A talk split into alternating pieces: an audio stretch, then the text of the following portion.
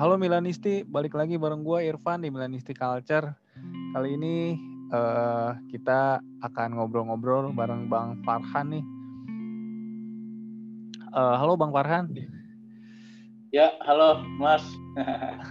ya, uh, Bang Farhan ini uh, adalah salah satu Milanisti yang gue temukan di salah satu kolom komentar di sebuah fanspage AC Milan dan gue uh, ngajak Bang Farhan ini buat uh, jadi teman ngobrol gue di episode uh, selanjutnya gitu kan. Nah, Bang Farhan uh, boleh diperkenalkan dari mana gitu? Oke, okay, uh, salam kenal buat Milanisti semua. Uh, gue Farhan, domisili di Jakarta Selatan.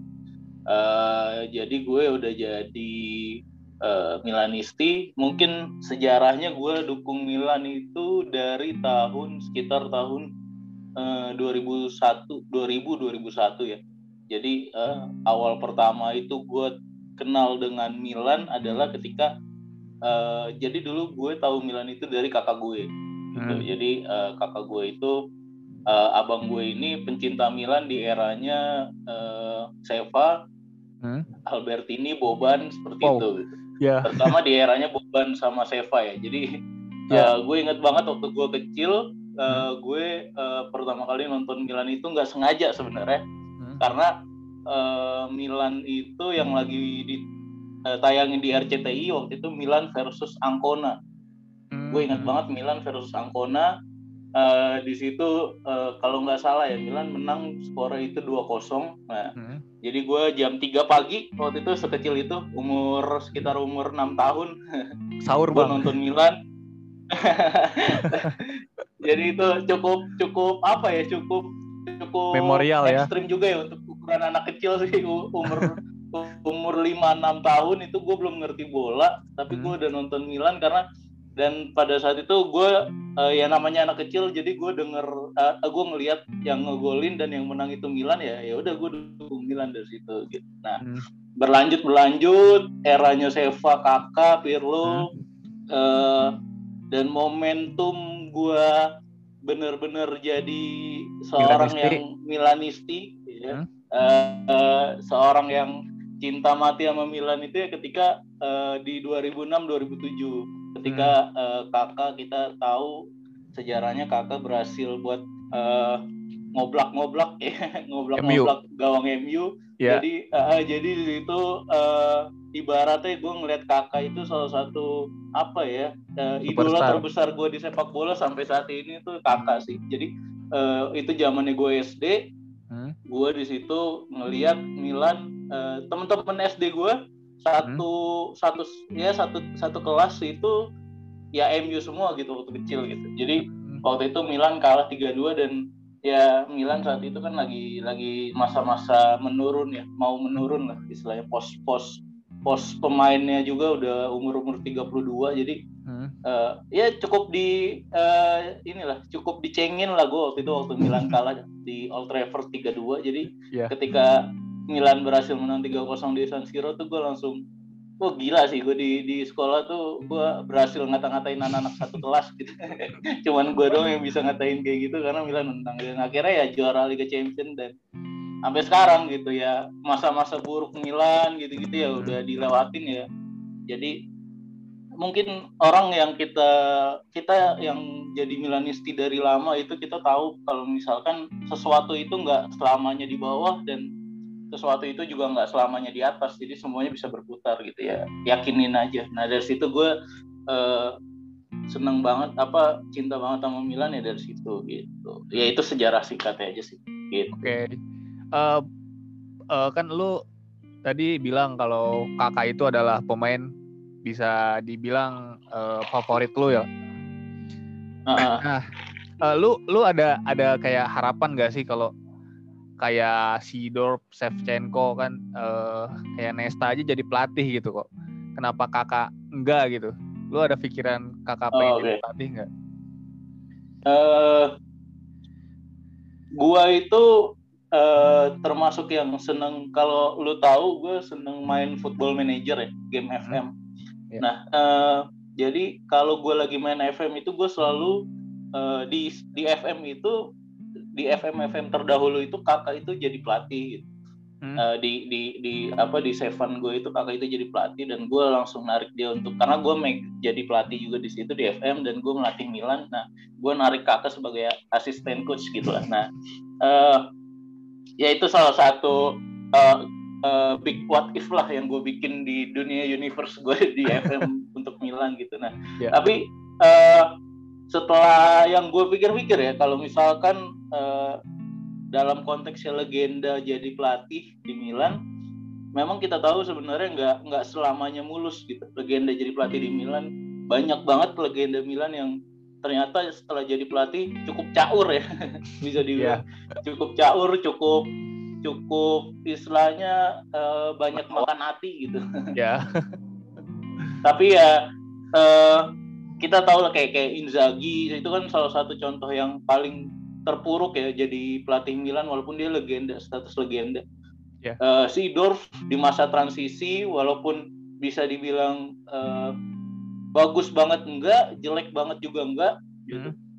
Tapi uh, gue bilang dalam hal ini misalkan konteksnya kakak jadi pelatih di Milan, hmm. gue lebih berpikir uh, setelah kita lihat perkembangannya kayak contohnya Maldini sekarang, uh, justru pos-pos uh, dewan atau board manajemen di Milan itu ya justru itu salah satu uh, pos yang menurut gue lebih dibutuhkan Penting, saat ya? ini gitu untuk diisi hmm. seorang legenda dibanding seorang pelatih gitu karena uh, ya kita bisa belajar dari uh, rival kita kayak Juventus kayak gitu-gitu ataupun hmm. Inter hmm. yang di mana mereka itu juga nggak nggak nggak selamanya uh, menjadikan seorang legenda mereka itu untuk jadi kepala pelatih gitu tapi juga dijadikan sebagai dewan manajemen gitu-gitu nah, nah maksud gue adalah uh, ketika legenda itu jadi dewan manajemen itu uh, memang sebenarnya dalam konteks kepelatihan ataupun di dalam lapangan uh, hmm. pelatih kepala itu lebih punya poin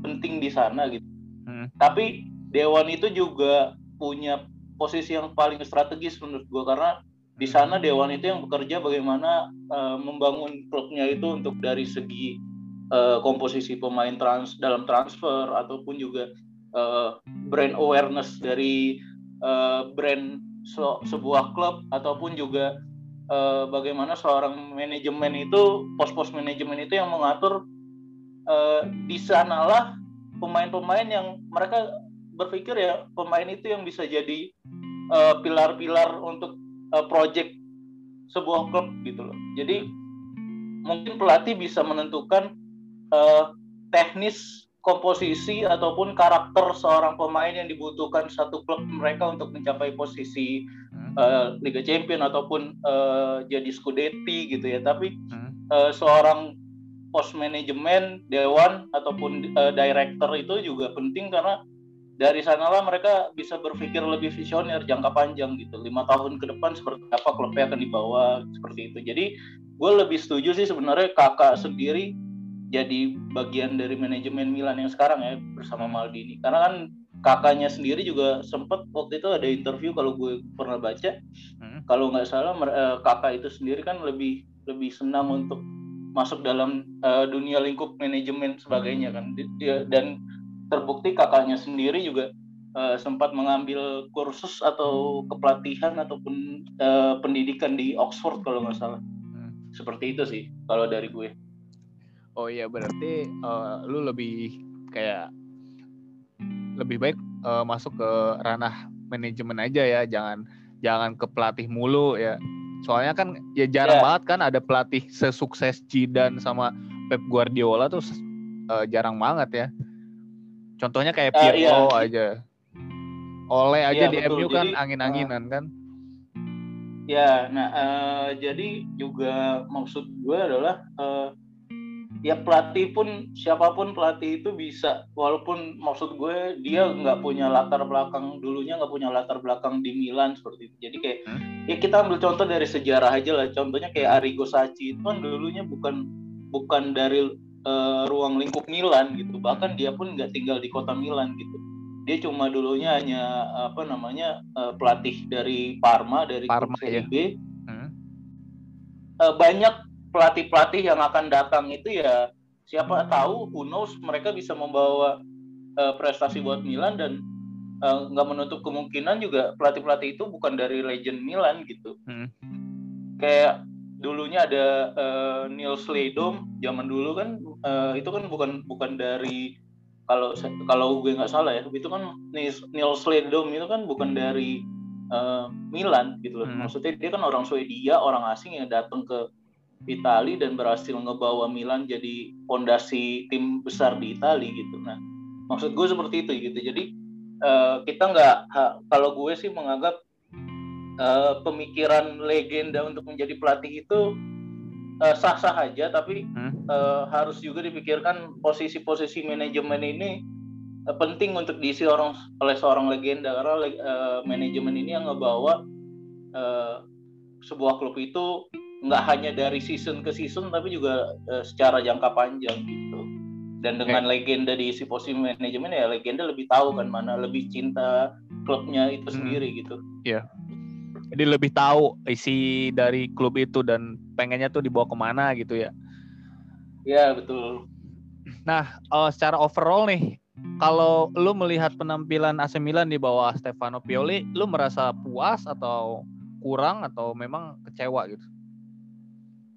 Uh, kalau gue dari dari yang udah sekarang sampai sekarang uh, berjalan nih uh, di awal musim uh, gue cukup puas sih karena uh, dibilang menaruh harapan besar ke Pioli sih nggak terlalu. Tapi dibilang juga uh, mau untuk Milan itu bisa kembali lagi jaya itu ya ada juga. Cuma uh, maksudnya Pioli ini menurut gue antitesis karena uh, Pioli ini datang di, di pertengahan musim dengan komposisi pemain yang hampir 90 80 lah 80 persen itu bukan pilihan dia kan ketika pertama kali dia masuk ke Milan yeah. dan uh, memang sebenarnya kalau kita lihat dari track recordnya Pioli ini adalah uh, tipikal pelatih yang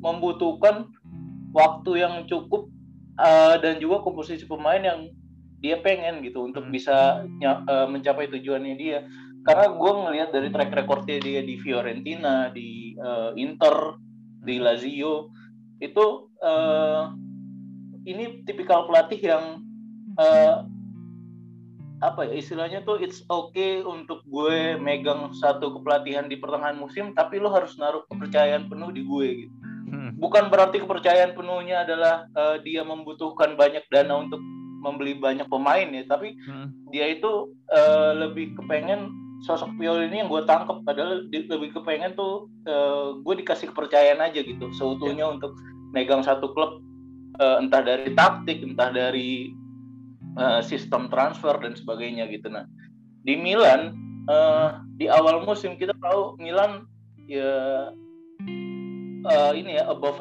expectation gitu dia tiba-tiba bisa peringkat satu selama beberapa minggu hmm. di saat juga memang uh, menurut gue di masa pandemi ini semua klub sih nggak nggak nggak nggak bisa nggak bisa dibilang uh, apa namanya nggak bisa dibilang bakal jadi juara atau apa ya karena yeah. Iya. uh, di masa pandemi gini ya kita tahu lah tiba-tiba hamin satu pertandingan pemain COVID. di blacklist karena uh, COVID gitu. Yeah. Uh, jadi kan itu ngaruh banget dengan ritme uh, apa namanya ritme permainan ataupun ritme pertandingan gitu yang udah udah udah ditumpuk gitu dari kemenangan-kemenangan tiba-tiba ada satu pemain bintang yang nggak bisa main kan ya di dalam tim juga itu bisa jadi faktor juga gitu menurut hmm. gue. Nah tapi ya kalau misalkan gue lihat ya kalau misal kita kan ini sisa 8 pertandingan ya kalau gue nggak salah iya, Liga Italia. 8. Kalau misalkan uh, Pioli ini berhasil menurut gue ya Pioli berhasil mencapai poin sampai 80 hmm. uh, minimal 75 sih sebenarnya kalau buat gue menurut hitungan gue ke UCL itu cuma kalau misalkan Pioli berhasil dengan squad seperti ini mencapai poin 80 hmm. uh, dan berhasil di posisi dua hmm. itu sih gue angkat topi banget sih buat Pioli gitu iya yeah.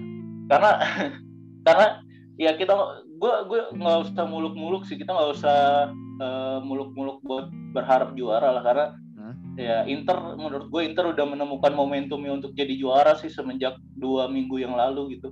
Hmm. Tapi uh, momentum kita untuk mencapai posisi dua ini nih yang yang harus dijaga menurut gue karena minimal untuk mendapatkan poin 75 sampai 80 tuh uh, buat Milan nih susah banget buat tim yeah. sekelas Milan karena pemain-pemainnya ini yang gue bilang Pioli ini kayak uh, apa ya lu harus megang anak SMP yang lagi sotoy-sotoynya gitu tapi semangat jago tapi sotoy-sotoynya juga jadi maksudnya yeah. pemain-pemainnya ini pemain-pemain muda yang sekalinya se menang lawan tim besar tuh senangnya minta ampun hmm. tapi ketika eh, nggak uh, berhasil menang atau ditahan sama tim-tim uh, di di peringkat bawah hmm? agak goyah gitu pemain-pemain yeah. Milan yang gue lihat sekarang sih hmm. gitu. Jadi ya ini kuncinya di Pioli juga sih gimana caranya dia main manajemen sama uh, apa namanya pendekatan dia ke pemain-pemain karena kuncinya itu Milan itu yang sekarang sih yang gue lihat di asuhan Pioli ini konsistensi sih karena hmm. Milan uh, sekalinya menang menang begitu tapi sekalinya dihantam sama kekalahan ataupun imbang lawan tim Gurem lawan Spezia aja misalkan kayak kemarin itu hmm. ya itu langsung drop banget mentalnya karena memang pertama tim kita tim muda pemain-pemain muda pemain-pemain banyak pemain-pemain yang baru bergabung dan mereka tuh kekompak kekompakannya itu cuma baru setahun dua tahun main bareng gitu kan. Hmm. ya itu itu faktornya itu banyak gitu untuk Milan buat bisa dapat posisi UCL jadi ya bisa dibilang gue kalau sampai Pioli bisa berhasil dapat 80 poin sih gue puas banget sih buat Pioli. Cuma kita tunggulah minimal sampai sisa lima pertandingan sih kalau gue bilang sih lima pertandingan atau tiga pertandingan terakhir Milan bisa dapat 80 poin ya gokil sih Pioli sih gue bilang sih. Angkat gitu. topi ya. Angkat topi. Nah uh, bukannya Pioli ini memang di tim-tim sebelumnya juga penyakitnya kayak gitu di akhir musim uh, kadang jadi uh, ya menurun gitu kan. Sakitan lah ya. Di Inter sama di Lazio juga kasusnya sama kan? Apa yeah. memang menurut lo ini ini hal yang sama juga terjadi di Milan? Nah, uh, iya sih. Memang Pioli itu uh, tipikalnya ya itu konsistensinya dia itu ya kenapa dia nggak masih dibilang bukan pelatihnya kayak di Italia itu sekelas Conte, sekelas uh, mungkin siapa ya pelatih pelatih Italia yang sekarang lagi naik daun yang kelas A, kelas Gasperini. A Gasperini ya mungkin Gasperini gitu. Karena karena Pioli ini uh, dia itu konsistensi di akhir-akhir uh, musim. jurnal akhir-akhir jurnal akhir-akhir musim sorry akhir-akhir musim itu ya itu goyahnya karena memang kebanyakan dia melatih tim-tim yang uh, pemainnya mengandalkan teamwork yang hmm. pertama, yang kedua pemain-pemain muda hmm. dan ya efek dari hal itu ya itu ya nggak ada konsistensi dalam segi mental gitu yang gue lihat mental mereka gampang naik tapi juga gampang turun kalau pemain-pemain muda hmm. jadinya uh, Pioli ini uh, gimana caranya ya menurut gue pembuktian sih dengan Milan dia ngelak, uh, megang Milan di musim ini tuh hmm. pembuktian dia kalau mis misalkan memang di di uh, tim-tim yang dia latih sebelumnya itu hmm. ya memang dia belum rezekinya dia aja gitu untuk dapat satu status dia jadi pelatih yang Italia yang kelas A lah gitu istilahnya karena menurut gue Pioli ini salah satu pelatih yang uh, dia itu menurut gue ya pelatih yang mendobrak sistem kepelatihan Italia sih kalau gue lihat dari segi taktik karena apa? Hmm. Karena nggak banyak pelatih Italia yang mengandalkan serangan counter attack cepat, hmm. uh, mengandalkan speed uh, dan nggak terlalu lama untuk uh, memegang bola di area sepertiga akhir tim sendiri. Maksud gue gini, kalau misalnya kita bandingin Pioli dengan Gattuso lah istilahnya Yeah. Ya. Uh, kalau kalau kita cermatin ya, Gattuso itu uh, taktikalnya itu benar-benar mengandalkan pos, uh, possession di sepertiga uh, pertahanan timnya dia. Gitu. Hmm. Maksudnya uh, bola itu harus benar-benar muter dulu lewatin back uh, back back tengahnya ke hmm. gelandang bertahannya dia yang sebagai regista Yeah. Baru setelahnya uh, mengandalkan serangannya ke ke sayap. Nah, Pioli ini pelatih yang uh, gue rasa sih sebenarnya kalau dia megang tim Inggris kayaknya cocok sih karena dia tuh selalu mengandalkan serangan itu nggak perlu uh, gelandang dua gelandang bertahan itu nggak perlu menjadi uh, uh, fokus utama penyuplai bola gitu. Iya. Yeah.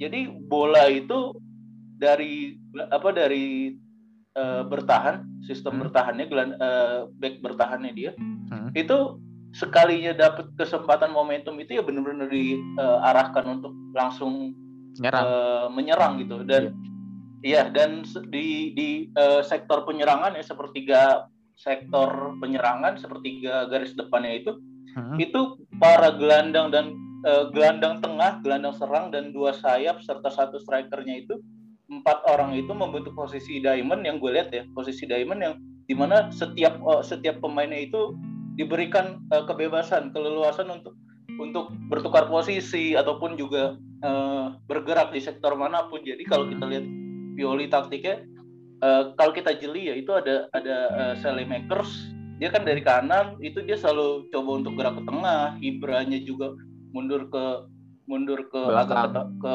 belakang, hmm. sedangkan Calhanoglu-nya bisa muter ke depan ataupun balik ke sektor sayap kanan Rebiknya bisa ditempatin ketika nyerang uh, masuk ke sektornya Ibra, hmm. Ibranya bisa gerak ke kiri gitu-gitu dan ya itu kuncinya Pioli itu di situ gitu yang gue lihat. Jadi dia nggak nggak harus Benacer dan Casey itu nggak harus megang bola uh, terus oper ke samping dulu, balik lagi ke Casey, balik lagi ke Benacer, oper lagi, balik lagi kayak gitu enggak. Hmm. Nah itu Pioli itu yang membuat Pioli beda sama pelatih-pelatih Italia itu menurut gue itu gitu. Jadi ya moga-moga aja sih Pioli bisa konsisten dengan dia punya ini ya pembawaan ke pemain-pemain muda.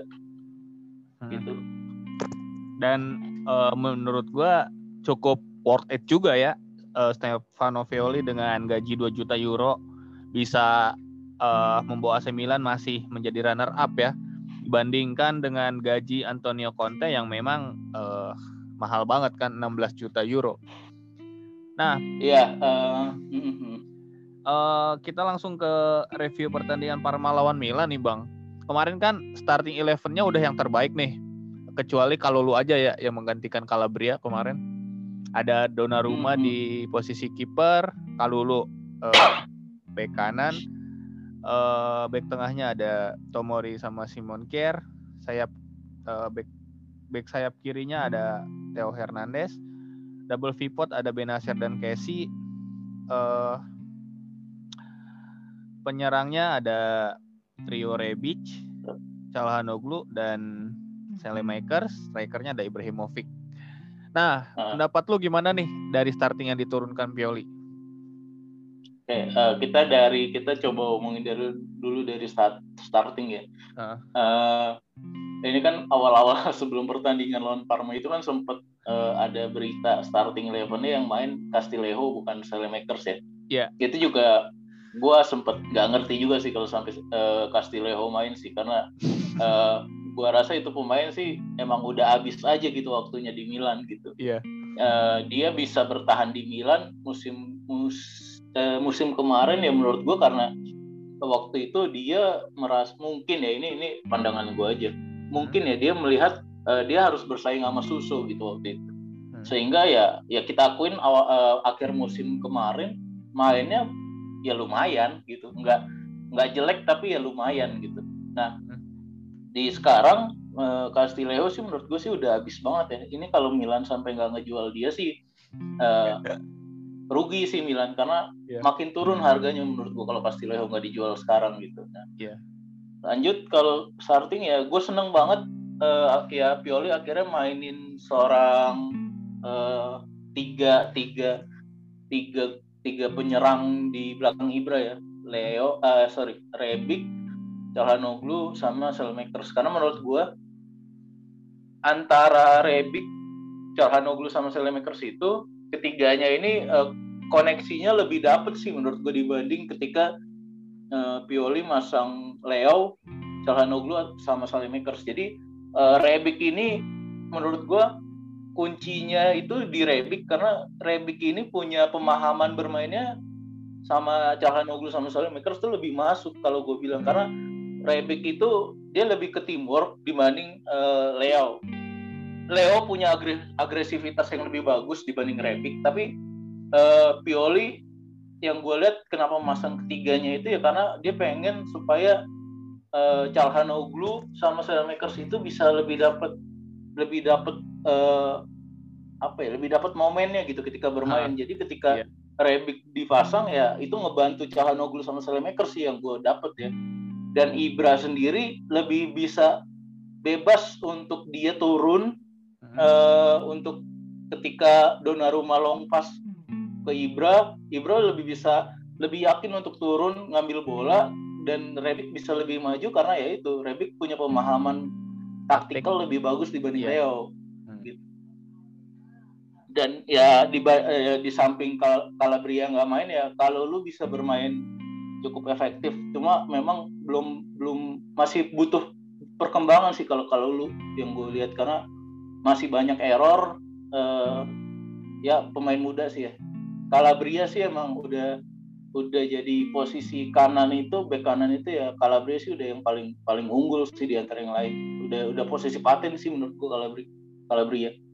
Ya, dan uh, di starting eleven itu ketika lawan Parma ya hasilnya uh, jadi ketika Leo eh sorry ketika Rebic Calhanoglu sama Salemakers itu punya ruang uh, lebih besar ketika proses menyerang hmm. ini hasilnya adalah uh, dua pivot Milan hmm. Casey sama Benacer itu ya, mereka tuh nggak uh, nggak terlalu terpaku uh, di marking sama pemain-pemain Parma yang gue lihat. Hmm. Jadi ketika Rebic, Calhanoglu, Makers ini bisa mancing uh, perhatian back-back Parma, hmm. itu menyebabkan Casey sama Benacer tuh lebih leluasa gitu untuk untuk uh, mereka mau berbuat apa di sektor tengah. Yeah. Hasilnya adalah ya itu Casey bisa nyetak gol, dia bisa lebih luasa untuk naik. Hmm. Karena apa? Karena uh, dia nggak terpaku dijaga sama uh, pemain main marking sama pemain Parma. Hmm. Benacer lebih leluasa untuk uh, tugas dia untuk breaker hmm. sekaligus passing-passing cepat ke Theo Hernandez gitu. Jadi kuncinya sih di situ. Uh, Milan memang kuncinya kan sebenarnya kan pivotnya mereka ini Benacer sama Casey ini gimana caranya supaya perhatian uh, back-back lawan itu nggak terpaku sama Benacer sama Casey kalau menurutku. Hmm. Karena Benacer sama Casey ini kalau itu udah dimatiin ya hasilnya kayak pertandingan-pertandingan waktu Milan kalah gitu lawan Juve lawan Inter lawan uh, Spezia Spezia lalu juga yang seri-seri juga itu kan uh, Milan itu benar-benar di marking uh, para lawannya Milan itu memakai high defensive line kan jadi hmm garis pertahanannya lawan-lawan Milan itu benar-benar tinggi. Jadi semenjak Casey sama Benacer, garisnya Casey sama Benacer tuh udah di marking gitu. Hmm. Ya dari situ ya Milan udah Benacer sama Casey udah di main marking sih udah habis sih. Kendala Milan tuh sekarang di situ. Casey sama Benacer udah di main marking, ya udah nggak ada serangan. Kayak lawan Atlanta deh. Kita lawan Atlanta tuh kita di kandang karena 3-0 ya karena menurut gue ya Casey sama Benacer tuh udah ditutup sama pemain Atlanta gitu. Jadi dia mau mau ma mau passing ke Theo, mau passing ke uh, Salemakers itu juga susah karena geraknya dia dibatasi sama pemain-pemain lawan. Nah, hmm. lawan Parma, Casey sama Benasir tuh bebas banget gitu. Hmm. Ketika Casey sama Benasir bebas ya, ya udah itu udah udah gampang deh Milan uh, bikin serangan. Kuncinya itu, gitu menurut gue. Dan uh, kalau misalkan lu ngasih rating nih buat kedua double V-pot kita, lu ngasih rating berapa nih buat buat pertandingan lawan Parma kemarin? Uh, buat gua uh, Benasir tujuh setengah, Casey delapan sih, satu dari sepuluh ya. Soalnya kalau Benasir memang benar-benar belum terbaik apa form terbaiknya dia semenjak cedera. Hmm. Cuma udah mulai memberikan uh, istilahnya apa rasa aman di lini tengah Milan karena uh, kalau kita bandingin antara Benacer sama Tonali misalkan hmm. uh, Tonali itu punya potensi yang bagus tapi dia pemahaman taktiknya nggak sebagus Benacer untuk saat ini gitu. Hmm. Nah kalau untuk Casey uh, ya dia ya sesuai julukan dia sih Il Presidente ya. Memang dia tuh ya emang kayaknya badak. Kalau dia tuh emang udah udah jadi pusatnya uh, lini tengah Milan gitu. Maksudnya dia pusatnya untuk uh, bikin counter attack dari dia coba untuk uh, ngambil bola dari pemain lawan, uh, mengalihkan apa bola-bola langsung cepat ke depan ke Ibra ke Selemakers atau ke Rebic uh, sekaligus juga Casey ini bisa memberikan keleluasaan untuk Calhanoglu untuk dia nggak nggak perlu memikirkan uh, garis pertahanan gitu yeah. maksud gue ya Calhan dengan Casey bermain bagus Calhanoglu itu nggak perlu repot-repot untuk gue harus turun ke belakang buat ngambil bola gitu hmm. Calhanoglu ya tinggal menjalankan fungsi dia aja sebagai uh, playmaker, playmaker sebagai trequartista gitu. Hmm. Karena Casey ya udah Casey udah menjalankan tugas dia udah bagus banget. Jadi gue ya bebas aja gitu. Nah itu menurut gue Casey sih penting sih dan kalau sampai Milan nggak memperpanjang Casey sih, wah itu big loss sih buat Milan dibanding nggak memperpanjang Romagnoli ya. nah, jangan lupa juga kalau Casey ini sering banget uh, nge-backup posisi Theo Hernandez yang sering kabur-kaburan nih dari posisi back sayap kiri nih. Nah, kemarin mm-hmm. Theo Hernandez menurut lu udah mulai membaik setelah blunder dia melawan Sampdoria atau uh, ya masih so-so aja gitu? Uh, gue sih patokan gue Theo Hernandez itu dia tuh pemain bagus tapi belum bisa dikatakan bagus banget karena cara dia bertahan masih jauh dikata bagus gitu maksud gue. Jadi uh, Theo Hernandez itu uh, idealnya ya menurut gue nih menurut gue sebagai fullback kiri harusnya hmm. idealnya maju dan bertahannya dia itu seimbang. Nah Theo Hernandez ini itu tuh dia bermain bagus karena dia membantu pola penyerangannya Milan lebih bebas dari sisi kiri. Jadi dia bisa menarik gelan apa pemain-pemain lawan dari e, dalam pertahanan Milan dengan sprintnya dia mengacak-ngacak dari sisi kiri dan itu ngebebasin Ibra ataupun Rebic untuk masuk ke kotak penalti lawan. Nah itu bagusnya Theo di situ dari sisi penyerangan. Cuma yang gue lihat dari sisi bertahan Theo itu habis ketika dia um, harus berhadapan satu lawan satu dengan uh, pemain-pemain wingback maksud gue uh, dia itu kan fullback ya. Kalau jadi kalau wingback itu kayak posisinya uh, Hakimi. Akraf Hakimi ataupun juga uh, di Atlanta itu kayak si Robert Gosen. Nah itu yeah. uh, itu itu yang ngebuat Theo itu jadi lebih terbebani dengan sisi defendingnya dia. Jadi sehingga ketika dia harus lebih berat defending, serangan Milan dan cara bermain dia itu kayak ya udah gitu kayak kayak susah gitu untuk dia nyari top formnya dia ketika dia harus terbebani untuk main marking uh, wingback dari pertahanan uh, wingback dari pemain lawan gitu. Hmm. Jadi ya masih berkembang sih. Cuma itu aja soal defendingnya dia. Andai pun kalau defendingnya dia bisa lebih baik lagi sih, gue sih salut sih, bagus sih. Gitu.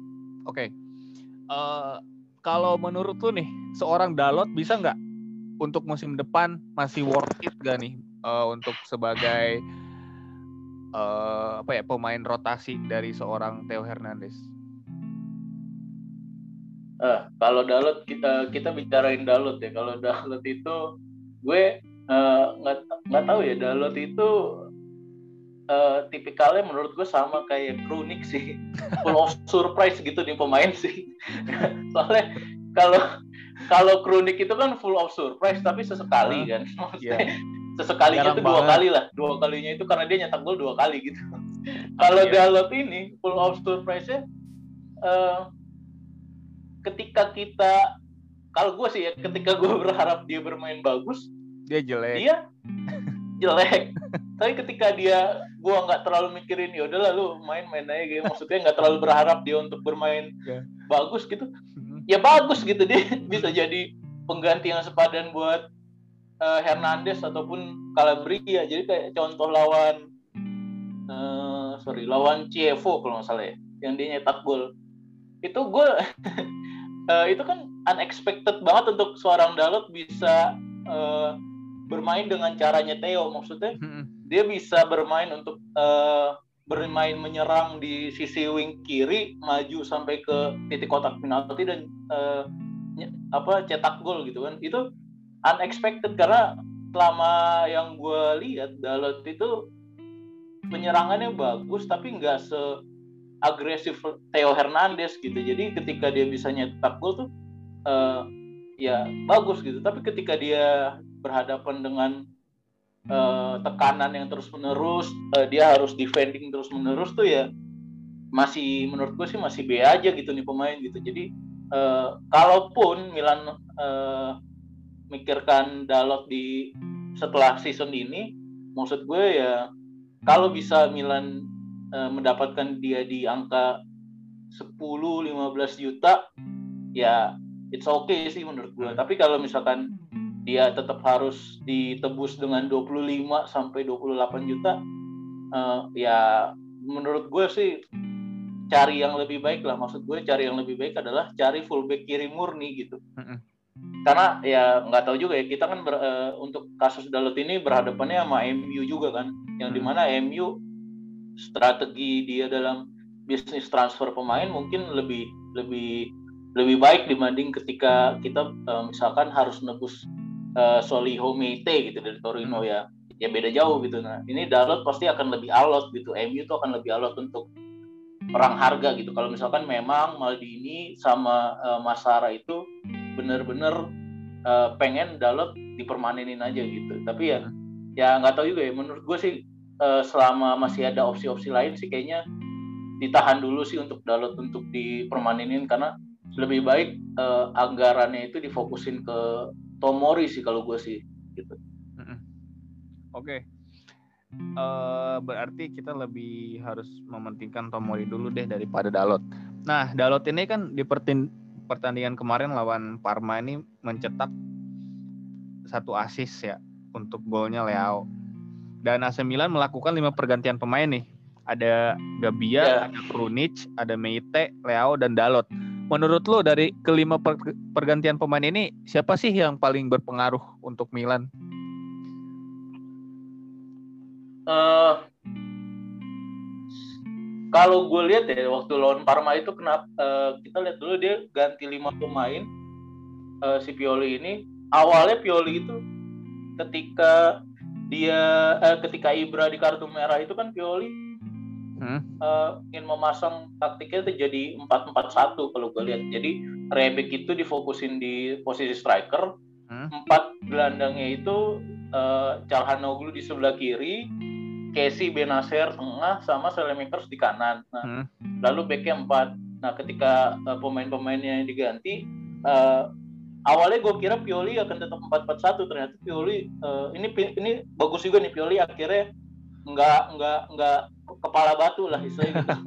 jadi akhirnya dia mikirin pertahanan, jadi dia ngeganti dua back, masukin dua back dan jadi yang gue lihat formasinya jadi lima tiga satu waktu itu sebelum gol Leo yeah. ketika 5-3-1 itu Pioli benar-benar coba fokusin pertahanan pressing di uh, bagian sayap hmm. gitu. Nah ini keren juga sih. Jadi ketika itu uh, yang gue bilang paling paling baik pergantiannya itu Leo sih, karena ketika jadi 5-3-1 itu Pioli yang gue tangkep dia pengen coba untuk kita bertahan total tapi ketika ada momentum untuk nyerang kita ngandelin serangan yang cepet uh, blitz attack gitu. Jadi ya itu mengandalkan Leo uh, dengan speednya dia dan terbukti ya berhasil kalau menurut gue. Gitu. Hmm. Jadi ya menurut gue Leo tapi Dalot uh, bisa dikasih kredit lebih karena uh, dia berhasil untuk coba pressing dari dari dari tengah ke pemain mudanya Parma itu dan kerebut gitu. Dan akhirnya ya uh, dia bisa nyiptain satu assist yang di mana momentum passingnya juga pas gitu. Jadi it's good lah. It's it's it's a good uh, substitution lah waktu itu lawan Parma. Tapi ya tetap menurut gue kreditnya lebih ke Leo sih. Lebih ke Leo ya. Nah tadi lu menyinggung soal kartu merah Ibra pendapat lu gimana? Ini kartu merah yang layak atau emang wasitnya aja baperan gitu? Uh, gue gue kalau gue di gue uh, di Twitter tuh gue selalu ngomong uh, Milan versus everybody ya kayaknya di musim ini. Karena karena nggak uh, tahu kenapa kayaknya uh, otoritas Liga Italia sama komisi wasitnya Italia tuh hmm. kayak hmm. yang ngehe aja gitu ke Milan gitu maksudnya. Di, ya. di samping juga uh, waktu lawan Parma ini Ibra egonya kampret juga sih menurut gue terlalu terlalu besar lah ego yeah. ego seorang Ibra tuh terlalu besar lah hmm. uh, sehingga jadi mengkorbankan timnya gitu walaupun uh, di informasi perkembangan berikutnya kan Ibra juga ngomongnya ternyata di translate itu biasa-biasa aja sebenarnya. Cuma hmm. si Maresca ya waktu itu ya? Iya uh, Maresca hmm. si Maresca ini uh, menanggapinya tuh menangkapnya tuh kata-kata Ibra tuh lain gitu ya. Hmm ya ya it's okay tapi maksud gue Ibra ini seharusnya uh, walaupun dia sebenarnya pengen protes biasa tapi ya seharusnya dia sebelum itu melakukan itu ya nggak perlu-perlu banget. Karena waktu dia uh, di kartu merah juga uh, menitnya itu masih sekitar 65 ya kalau gue nggak salah. 15 menit tuh pertandingan kedua, ya. 15 menit babak kedua gitu. Jadi pertandingan babak kedua tuh masih terlalu dini banget gitu dan hmm. ya mungkin Ibranya juga merasa kesel kali karena kan sebelum itu kan uh, sebelum di, di kartu merah Calhanoglu itu kan dilanggarnya ya, cukup cukup beralasan gitu. Maksudnya cukup cukup keras. cukup keras gitu pemain Parma tapi ya tapi ya ya ya itu banyak faktor lah. Cuma ya gue sayangkan Ibranya ego seorang Ibra tuh ya susah dihilangin sih ya. Seorang Ibra egonya tuh susah dihilangin ya. Akhirnya ya ya seperti itu. Dia dapat ganjaran kartu merah. Cuma ya nggak bisa disalahkan sepenuhnya ke Ibra karena uh, di pertandingan ini sebelum dia kartu merah juga cara dia bermain itu bagus gitu. Maksudnya hmm. dia bisa mencetak satu asis yang di mana lagi-lagi dia ngejalanin taktiknya Pioli itu dengan cerdas seorang hmm. Ibra itu dia bisa narik sebelum dia ngasih asis itu dia bisa narik dua back Parma yang hmm. di mana akhirnya membuat tuh ya, Rebic itu lebih lowong gitu. Hmm. Iya dan ya ya itulah mungkin next time-nya mungkin Ibra belajar dari cara dia menurunkan ego itu sama kayak dia belajar menurunkan ego ketika harus ngambil penalti ya. Moga-moga aja sih yeah. gitu karena makin ke sini uh, sosoknya dia tuh kayaknya menurut gue nggak bisa digantiin lagi sih kalau dia nggak bermain tuh susah. Dia bermain aja Milan masih bisa kalah gitu apalagi dia nggak main sih ya, iya benar. Karena karena karena tekanan buat pemain-pemain muda di akhir-akhir musim ini pemain-pemain muda Milan makin makin besar gitu. Gue gue nggak tahu kalau misalkan Ibra nggak main tuh kayaknya pemain-pemain muda ini siapa yang bisa nenangin gitu. Hmm. Kan nggak mungkin Donnarumma gitu maksud gue. ya dia Romagnoli. dia Romagnoli sih uh, gue nggak nggak komen sih kalau iya. Romagnoli sih maksud gue kalau kalau Donnarumma dia masih ya bewoknya aja yang banyak gitu tapi dia nggak bisa marah-marah kayak Ibra gitu yeah. kalau Romagnoli juga sekarang aja posisinya keganti sama Tomori gitu loh maksudnya hmm. jadi di lapangan itu nggak ya paling clear gitu kan tapi clear hmm. itu kan nggak se nggak segarang Ibra ya. auranya ya? itu iya auranya itu nggak segantikan Ibra gitu. Hmm. jadi ya kalaupun Ibra nggak main itu moga-moga aja mental pemain Milan bisa di bisa ini ya nggak nggak up and down lagi. Karena ya itu Ibra tuh posisinya penting banget. Dan ya pada akhirnya gue setuju banget Ibra di uh, apa perpanjang kontrak. Karena ya kita lihat aja Ibra Ibra main Milan bisa menang. Ibra nggak main Ibra eh apa Ibra nggak main Milan kalah Ibra main juga uh, Milan bisa kalah juga jadi masih inilah sosok Ibra tuh masih penting lah minimal setahun lagi. Jadi ya moga-moga aja Ibra tobat sih, nggak terlalu sering kartu merah. Udah dua kali ya sama lawan Inter. Udah dua kali.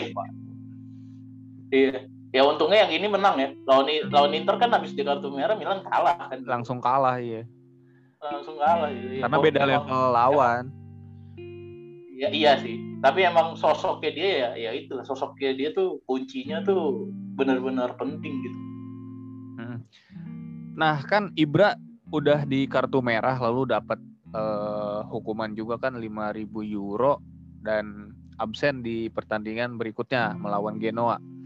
Menurut lo nih siapa nih yang paling cocok menggantikan sosok Ibra sebagai striker. Kabarnya Leo lebih difavoritkan daripada Mandzukic. Nah, uh, ya gue gue masih belum tahu nih ya apakah Mandzukic atau Leo yang akan main. Karena uh, kalau Leo yang main uh, otomatis kayaknya Milan ngandelin serangan yang maksudnya uh, nggak nggak se long pass kayak ketika Ibra bermain gitu. Jadi hmm. pergerakan ball, ball movementnya tuh lebih cepat gitu. Tapi kalau Leo itu lebih ke uh, coba uh, mengarahkan penyerangan ke sisi sayap gitu. Jadi lebih ro, ro, apa roaming roaming roll gitu lah hmm. kalau buat Leo. Cuma Manzukic uh, kayaknya ya gue kayaknya sih menurut gue Pioli kan nurunin Leo sih. Karena Manzukic ini di samping dia performanya belum uh, lagi nggak bagus-bagus amat hmm? uh, koneksi di antara pema koneksi antara Manzukic dengan pemain lain tuh nggak sebagus yang lain gitu kalau gue lihat ya. hmm. ya karena ketika Manzukic bermain ganti Ibra kayak kayak di uh, Eropa League lawan siapa waktu itu klub Serbia gue lupa namanya Red Star Red Star itu ya Manzukic itu kelihatan uh, ya belum nyatu aja gitu kaku ya maksudnya antara iya masih agak kaku jadi uh, uh, nggak nggak se nggak secair koneksi dia dengan yang lain gitu jadi hmm. kalau Leo bermain ya mungkin lebih difavoritin sih Leo sih menurut gue karena hmm.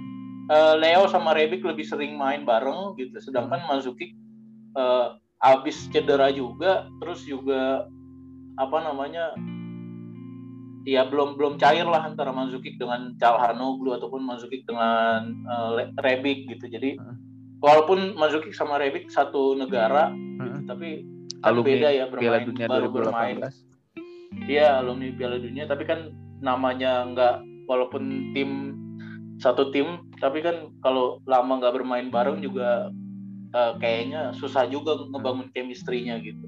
Kayaknya sih Leo sih menurut Leo ya ya walaupun masih ada opsi Rebic juga bisa sebagai striker kan. Uh, ditambah Castillo juga bisa kan. Kalau itu dia uh, iya bisa sih tapi bisa bisa bikin repot tim sendiri. Kalau Castillo ya bener. Nah tadi kan lu bilang kalau AC Milan tanpa Ibra bisa kalah gitu kan apalagi uh, besok nih kita tim main di kandang nih bang. Lu seberapa optimis besok melawan Genoa? Uh, ya menurut gua uh, inilah 75 lah, 75 persen lah. Karena 75 persen. 75 persen karena apa ya? Penyakitnya di mentalnya sendiri sih mental pemainnya sendiri sih. Gue lihat Milan tuh ketika nggak tahu ya ini kenapa tiba-tiba ketika bermain di kandang sendiri jadi kayak uh, apa namanya jadi kayak bau banget cara mainnya. Gue nggak ngerti apa karena tekanan dari uh, dari Ultras Milan Penonton sendiri. karena beberapa kali Ultras Milan ketika huh? Milan latihan kan didatengin juga gitu kan di di iya. support gitu. Maksud gue ya mungkin support itu uh, bagus tapi mungkin pemain-pemain Milan ini ngelihat uh, atau mungkin merasakannya jadi terlalu disupport jadi jadi tekanan gitu kalau gue lihat jadi kayak gue nggak tahu sih mungkin ya mental pemain-pemain Milannya sendiri sih karena pemain muda terus bermain di kandang tekanan posisi peringkat dua dia ngeliat uh, pemain-pemain muda ngeliat klasemen juga uh, peringkat tiganya beda satu poin gitu mungkin hmm. jadi ketika bermain di kandang bawaannya tuh pengen uh, harus menang harus menang padahal jadi nggak dibawa santai gitu maksudnya iya. nggak yeah. dibawa sesuai dengan apa yang udah ditaktikin jadi bebannya itu lebih berasa gitu ya ya itulah ya, pemain-pemain muda belum pernah merasakan kayaknya sih belum pernah merasakan ketatnya persaingan seketat ini ya karena hmm. awal-awal musim kan masih longgar-longgar ya terus ini di akhir pertengahan sampai akhir musim ini jadi ketat banget nih Serie A gitu. Jadi mungkin iya. pemain-pemain mudanya Milan jadi kayak ngerasa uh, waduh gila sih ini kok bisa jadi peringkat dua sama peringkat tiganya jadi beda satu poin doang gitu. Jadi kayak mungkin bebannya di situ kayak pemain Milan gitu. tapi ya insya Allah sih gue sih berharap sih 75% sih gue yakin sih Milan bisa momentumnya bisa dapet sih setelah pertandingan lawan Parma. Berapa nih skornya? Uh,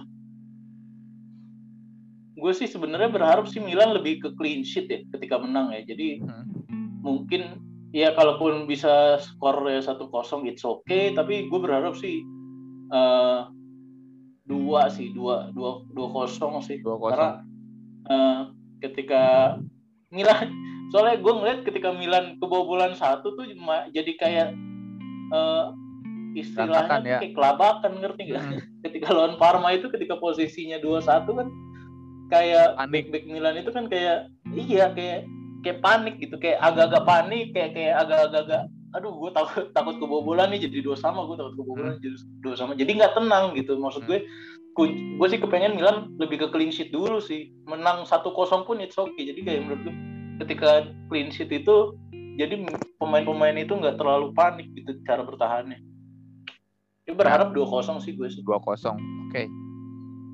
Ngomong-ngomong clean sheet berarti kan uh, besok harus menampilkan uh, back-back yang memang siap ya bang Nah kabarnya kan hmm.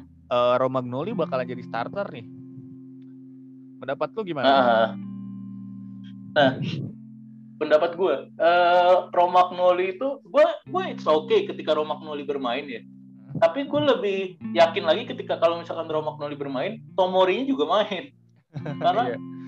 Menurut gue ketika uh, uh, Simon Kier sama Romagnoli yang dipasang, uh -huh. itu uh, nggak ada yang ngecover maksud gue gini uh, ketika uh, Tomori yang bermain uh, Tomori itu bersifatnya jadi kalau di pertahanannya lebih ke stopper kan stopper stopper itu kan lebih agresif untuk ngikutin pemain lawan main markingnya lebih agresif habis itu uh, penyerang-penyerangnya diikutin uh, sampai garis lini tengah pun diikutin untuk bisa ngerebut bola. Hmm. Nah, ketika uh, si sifatnya Tomori yang dimainin sifatnya stopper itu kan hasilnya kan bisa nimbulin lubang di sisinya Tomori karena yeah. itu fungsinya pemain kayak Romagnoli ataupun Kier ketika Tomori bermain sama Kier Kier ngejalin posisi itu gitu dia yang ngecover si Tomori ketika Tomori agresif untuk ngejar bola ngerebut hmm. bola. Nah Kier ini yang ngecover. Kalau misalkan uh, Kier sama Romagnolinya yang bermain ini yang gue lihat dua-duanya ngecover gitu. Jadi kayak nggak ada yang ngestopper gitu. Nggak ada yang buat inisiatif ngejar uh, apa namanya ngejar pemain yang lagi megang bola yeah. uh, speednya juga dua-duanya kurang itu kan yang kelihatan dari waktu uh, Milan lawan Inter ketika si boy. Lukaku nyetak gol gitu jadi yeah. nggak ada yang ini siapa yang mau ngerebut maksudnya di satu sisi speednya juga pada kurang gitu ngerebut dari Lukaku nah hmm. ketika Tomori bermain ya jadi ada ada si menurut gue ya Romagnoli jadi lebih ya udah lebih lebih lebih easy aja gitu dia cara cara cara tugasnya dia untuk bertahan jadi dia nggak perlu untuk uh, nyetop bola tapi dia tinggal ngecover aja tinggal jadi Tomori yang untuk ngejar gitu jadi hmm. stopper hmm. ya moga-moga aja sih Tomori tetap main sih kalau menurut gue ya ya kuncinya di Tomori sih kalau gue berarti Tomori sama Romagnoli ya favorit ya. Simon Kier istirahat dulu. Iya. Oke bang, ini kita uh, jawabin pertanyaan-pertanyaan dari teman-teman followers yang udah nanya nih tadi di story. Sip, sip. Pertanyaan pertama ada dari Hawi Caksono 26. Siapa pengganti yang sepadan kalau Gigio musim depan benar-benar pindah ke Juventus. Menurut tuh siapa bang? itu harus spesifik ke Juventus ya. Soalnya ditawarin ke tim lain gak laku kan katanya. Iya, karena terlalu mahal gajinya dia tuh 12 iya. juta untuk uh -uh. pemain yang kiper yang belum juara apa-apa. Ya eh, pengganti yang sepadan ya. Hmm. Pengganti yang sepadan kalau kita mau ngomongin yang sepadan ya sepadannya uh, Donnarumma menurut gua macam Jan Oblak, hmm. macam apa uh, kiper Barca uh, lupa lagi gue namanya. Uh, kiper Barca dari Jerman. Itu Ter Stegen. Ya itu kelas Donnarumma ya udah di situ. Gue nggak sepadan. Tapi tapi ya duitnya dari mana kan? Dan mereka juga belum mau tentu belum mau pindah juga ke Milan. Hmm. uh, tapi kalaupun harus pada akhirnya Milan harus ngelepas Donnarumma dan harus nyari pengganti ya paling menurut gue yang paling ini sih uh, ini ya apa uh, kipernya Udinese sih Juan Musso menurut gue hmm. karena uh, satu dia lebih paham tentang Liga Italia uh, karena udah lama bermain di Italia terus yang kedua uh, Udinese juga tim yang posisinya juga nggak nggak di atas banget maksudnya tim papan tengah jadi uh, ne ketika pun Milan harus nego harga dengan Udinese hmm.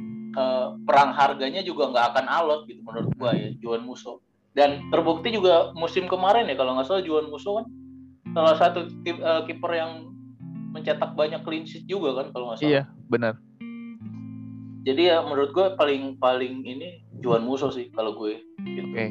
Musso ya Oke, kita ke pertanyaan selanjutnya dari Iam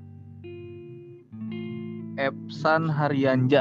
Katanya Ilicic bagus kalau dibeli. Menurut lu gimana? Nah, uh, soal Ilicic sih. Uh, ini juga ini juga nih tergant menurut gue soal Ilicic ini kayaknya sih Dona uh, Maldini memang tertarik ya. Cuma kuncinya kayaknya di Gazidis sih kayaknya soalnya Gazidi sendiri kan lebih suka pemain-pemain muda kan karena hmm. ya uh, kita lihat aja lah gitu kayak Milan hampir mau nawar Florian Taufang dari Marseille itu kan umurnya udah 28 hmm. dan pada akhirnya kan uh, ketika kesempatan untuk apa namanya dapat uh, free transfer ya Florian Taufang ini kan kayaknya nggak nggak nggak terjadi karena kalau nggak salah gue pernah baca artikel itu uh, Gazidis itu lebih memprioritaskan untuk mencari pemain yang kayak makers gitu. Jadi hmm. muda, murah dan punya efek kejut gitu ketika bermain.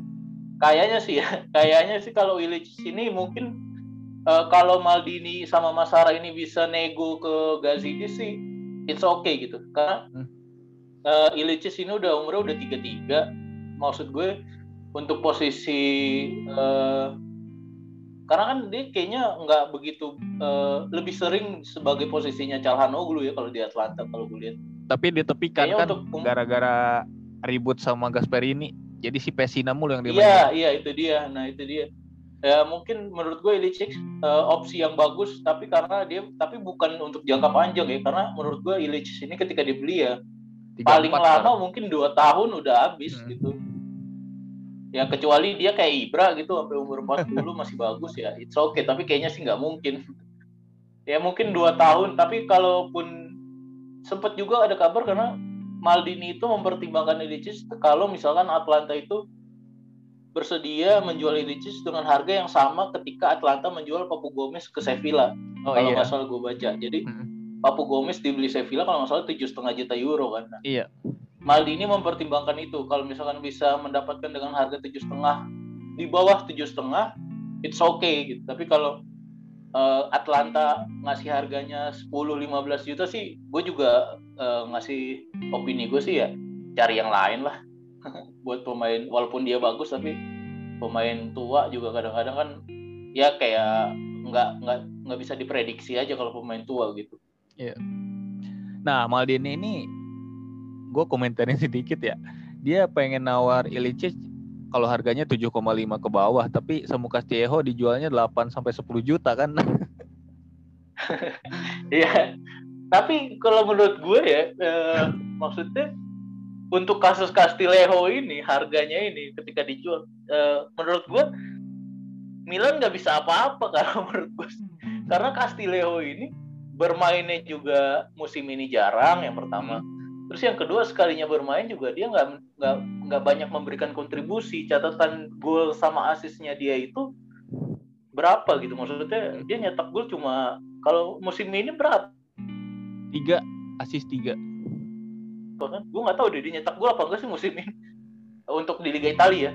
Gue nggak tahu deh dia nyetak gol atau enggak. Satu di Liga Italia. Nah, satu ya. Nah maksud gue uh, gue sendiri jadi kalau gue kalau gue sendiri jadi Maldini gitu ketika hmm. gue mau jual Castillejo dapat 10 juta aja gue udah syukur sih pemain sekelas Castillejo gitu walaupun waktu itu kita beli dia tuh berapa ya 18 atau nyampe 20-an juta gitu gue nggak tahu 20-an kalau nggak salah tapi 20-an ya hmm. tapi maksud gue untuk ukuran kontribusi dia yang sekarang gitu ini pemain dijual 10 juta euro sih gue udah alhamdulillah sih karena hmm.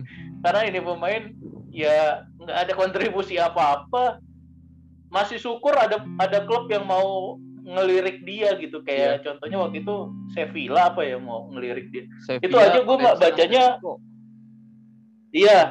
Atletico lagi gue nggak nyangka aja Atletico masih masih pengen ngebeli itu pemain gitu. Buat apa coba itu pemain dibeli buat di Atletico? Gue nggak ngerti deh. Ya syukur-syukur sih dibeli ya karena yeah. itu bagus buat Milan gitu ya. Hmm. ya maksud gue itu pemain ya buat apa juga? Dijual 10 juta euro ya? Ya alhamdulillah sih Milan. Nomor beban sih pula. daripada dia jadi beban di tim sih. Iya. Oke kita ke pertanyaan selanjutnya. Ada dari Bang Satrio A. Kapan nih Milan bisa juara lagi? Kapan nih bisa Milan juara lagi? Juara kalau juara Liga Champions ya kita minimal nunggu tiga tahun dulu sih kayaknya ya tiga sampai lima tahun kalau menurut gue. Tapi kalau juara Liga Italia sih ya dua tahun lah mungkin bisa kalau dari lihat cara bermain yang sekarang ya.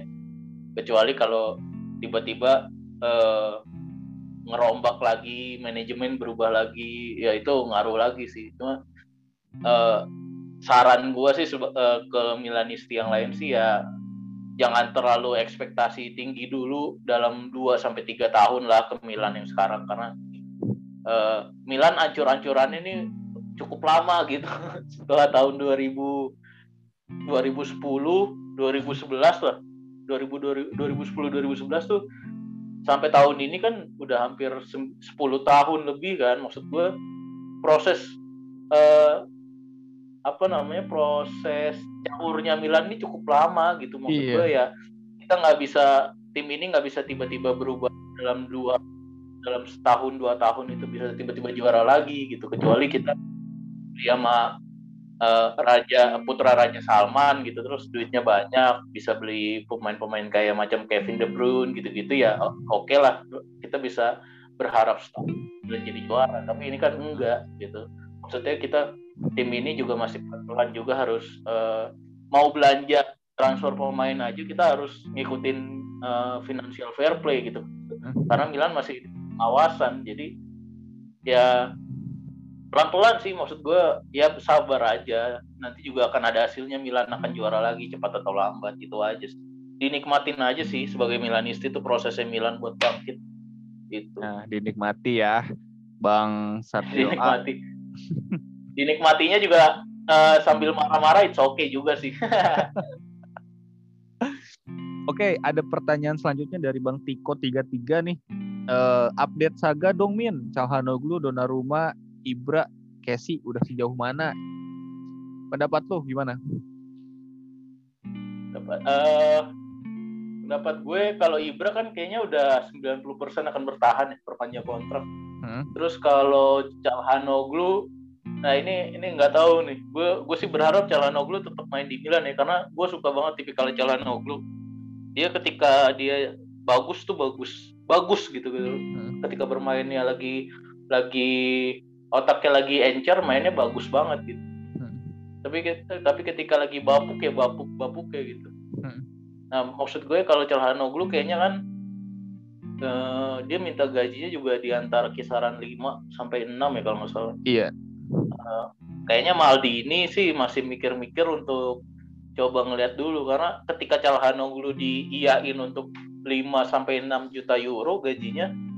Uh, kan ada beberapa pemain juga ya, pemain Milan juga yang uh, kontraknya hampir sama, udah mau habis dan juga gajinya tuh mendekati mendekati 5 sampai 6 nah ketika kayaknya Maldini berpikir ketika gua harus uh, mengiyakan kontrak pemain itu kalau satu pemain minta 6 juta gua iyakan maka pemain-pemain lain ini akan ngelunjak minta yang sama gitu hmm.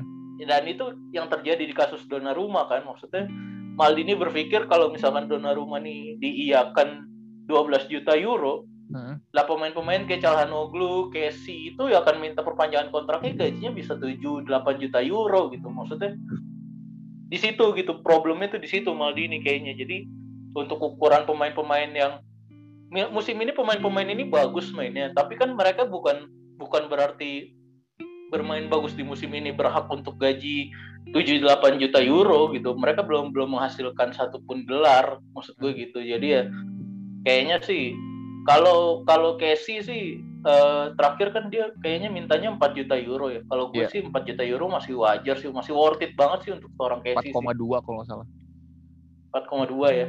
Untuk ukuran gelandang yang bisa nyetak 10 gol musim ini tuh 4 juta 4,2 juta euro sih worth it sih. Kalau Casey sih selama dia nggak minta 5 atau 7 juta 7 juta euro sih it's worth it untuk dipertahanin gitu. Kalau kalau Romagnoli, Romagnoli gue nggak ngerti ya. Mungkin moga-moga aja gajinya nggak bertambah banyak sih karena uh, suara dia tuh seorang pemain senior itu kan ya. Terus juga dia kapten gitu. Tapi kalau misalkan dia harus dilepas, ya nggak digantinya juga dengan nggak ditukar juga dengan Bernardeschi sih kalau karena sama sampahnya kayak Castileo gitu maksudnya ngapain juga kita nuker Romagnoli untuk uh, Bernadeschi gitu yeah. kalau Romagnolinya ditukar sama uh, apa sama pemain lain gitu bahkan Winston Kenny eh McKenny gitu yang pemainnya Juve. Hmm. baru deh gue kalau gue sih boleh-boleh aja cuman nih ditukarnya Bernadeschi sih. Ya ya udah. Ngapain juga ya. usah lah gitu. Ngapain juga. Cuma perpanjangannya lagi-lagi Romagnoli itu Mino Raiola gitu.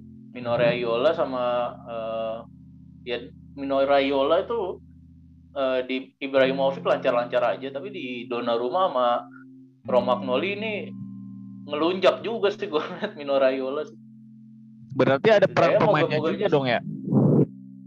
Harusnya sih ya untuk kasusnya kayak Donnarumma sama Romagnoli itu harusnya kan uh, eh, kayak berkaca sama Lukaku gitu. Lukaku kan dulunya Mino Raiola kan, tapi dia punya punya keinginan untuk waktu itu bertahan di MU apa waktu itu pindah ke Inter ya.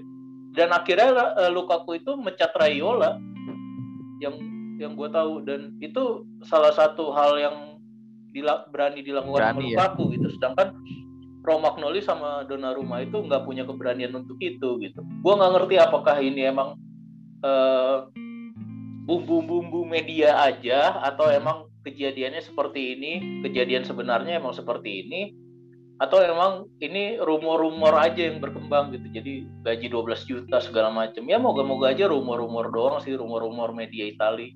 Karena uh, gue yakin sih untuk uh, kasus Donnarumma sama Romagnoli sih mereka masih pengen uh, di Milan ya kayaknya. Hmm. Cuma tergantung agennya aja gitu agennya sih agak sedikit menyusahkan gitu. Agen gendut ya. ya itulah. uh, ini kita ke pertanyaan selanjutnya dari titik subuh. Min komentarnya gimana soal perpanjangan kontrak uh, Olzer sampai 2023? Oh, kontrak kayak pemain muda ini ya, Olzer ya. Hmm.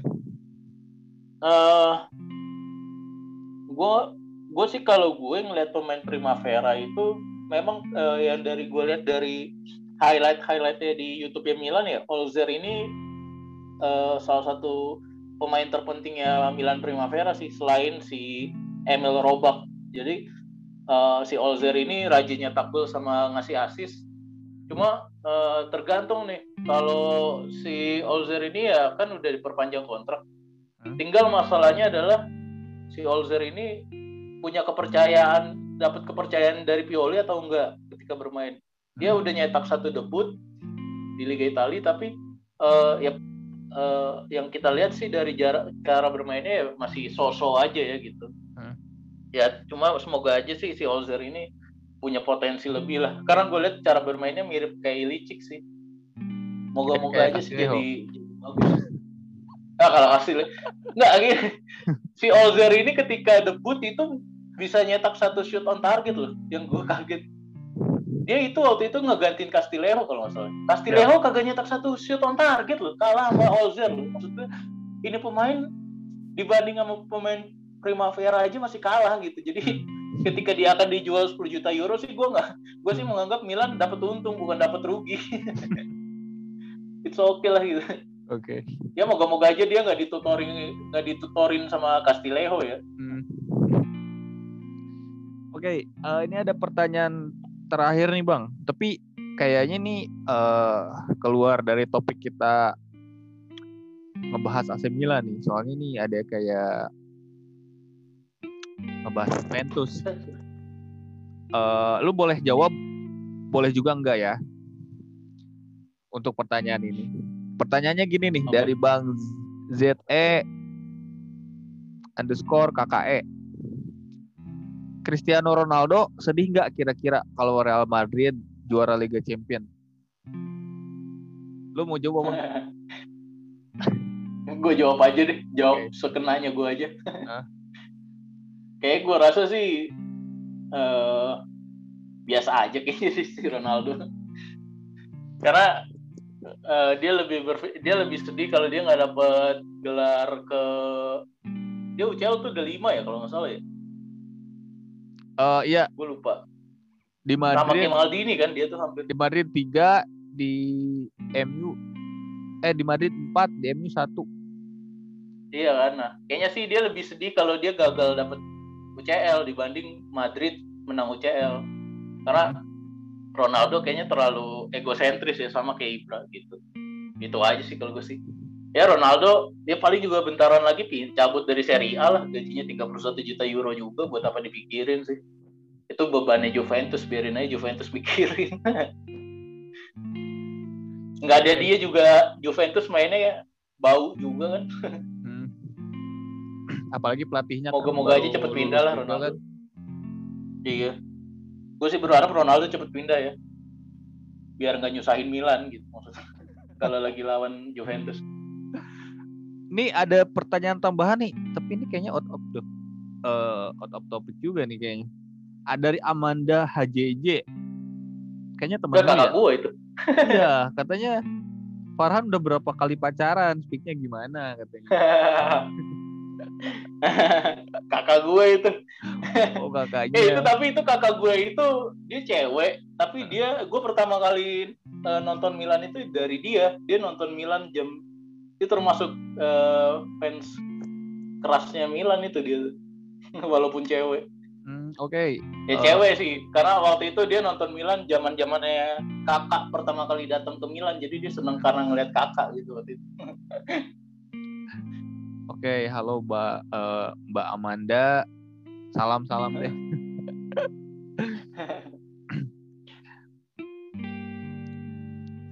Oke, Bang. Terakhir nih uh, sesuai permintaan gua kemarin, gua pengen lu uh, membuat starting terbaik AC Milan selama lu menjadi Milanisti dari kiper mungkin kayak Dida terserah formasinya mau kayak okay. gitu. Oke, okay. uh, eh, kalau gue diberi kesempatan untuk bikin formasi formasi terbaiknya Milan, gue akan pakai formasi empat tiga satu dua ya. Hmm. Yang pertama ya jelas kiper gue akan lebih milih ya pasti Donnarumma sih untuk saat ini karena dibanding Dida walaupun Dida lebih banyak uh, juara tapi Donnarumma lebih lengkap lah untuk ukuran seorang kiper. Hmm. Yang kedua untuk bek kanan uh, ya Kafu ya nggak ada lagi yang lain selain Kafu pemain walaupun lima tahun di Milan tapi mainnya terbaik sih bek kanan terbaik uh, apa untuk untuk apa bertahan tengahnya ya Nesta sama Baresi Baresi oke okay. iya karena ya itu Baresi ya siapa yang nggak pikir Baresi nggak mungkin kan nggak ngelewatin Baresi uh, kirinya uh, ya kirinya ya udah pasti Maldini ya. Hmm. Kiri Maldini uh, tiga gelandang uh, jang apa tiga gelandang tengahnya ya Pirlo, hmm. uh, Richcard. Hmm. Walaupun gue bukan generasi yang menonton Richcard tapi yang gue lihat dibanding Gattuso ya eh enggak maksudnya Richcard itu uh, ya tipikal gelandang komplit lah gitu. Rich Card, habis itu uh, satunya lagi Sidorf, hmm. karena itu box to box midfielder menurut gue box to box midfielder terbaik di era 21 abad 21 eh abad ya abad abad dua, abad 21 ya hmm. uh, gelandang serangnya ya udah pasti kakak Iya, kakak. Uh, strikernya Seva sama Van Basten. Udah itu. Dan pelatihnya bukan Injagi. Uh, gue lebih uh, kayaknya gue akan lebih milih Capello deh kayaknya. Karena Capello bisa bikin invincible. Kalau kalau Ancelotti bagus tapi nggak bisa bikin Milan invincible kayak Ancelotti itu aja. Oke, okay, itu uh, starting eleven dari Bang Farhan. Selanjutnya nih terakhir Bang, uh, ada nggak pesan-pesan dari lu buat para Milanisti? Oh, uh, pesan-pesan gue yang pertama sabar-sabar dulu aja sama Milan, nikmatin prosesnya Milan untuk jadi balik lagi tim besar. Hmm. Walaupun sekarang masih besar, tapi bukan tim yang uh, berprestasi ya dalam segi ke, apa juara. Uh, terus yang kedua uh, bagi yang sering-sering nonton Milan uh, tetap pertahankan karakter kalian untuk komentar-komentar di IG tentang seberapa bapuknya Castillejo gitu. Dan kalau bisa komentarnya dalam bahasa Inggris ya ke akun sosialnya Milan. Jadi hmm. ya di di apa di spamming aja gitu. Jadi supaya Maldini sama Mas Ara siapa tahu baca kan gitu. Hmm. Castillejo tuh seberapa busuk kayak gitu. Jadi biar cepet-cepet dijual lah gitu. Kalau nggak gitu nggak gua soalnya, soalnya kalau komentarnya di akun Milanisti Indonesia juga kan hmm. Maldini juga bacanya juga belum tentu Maldini baca juga gitu hmm. bahasa Indonesia gitu. Castillejo bapuk nih jual aja gitu ya. Kas, apa Maldini juga bacanya bapak itu apa gitu dalam hmm. bahasa Italia kan ya udahlah komentarnya bahasa Inggris aja di akun sosial Milan jadi hmm. biar Castillejo tuh cepet-cepet dijual gitu hmm. udah sih itu aja lah itu aja oke okay. biar biar Castillejo cepet dijual aja fungsinya itu utamanya oke okay. uh, eh, Bang Farhan makasih banget nih udah jadi narasumber di channel Milanistic Culture untuk episode sip, sip. minggu ini Sip, kehormatan juga buat gue udah diundang. Thank you banget. Oke, okay, uh, eh, kalah menang imbang apa pun itu kita tetap teriak Forza Milan bang. Forza Milan.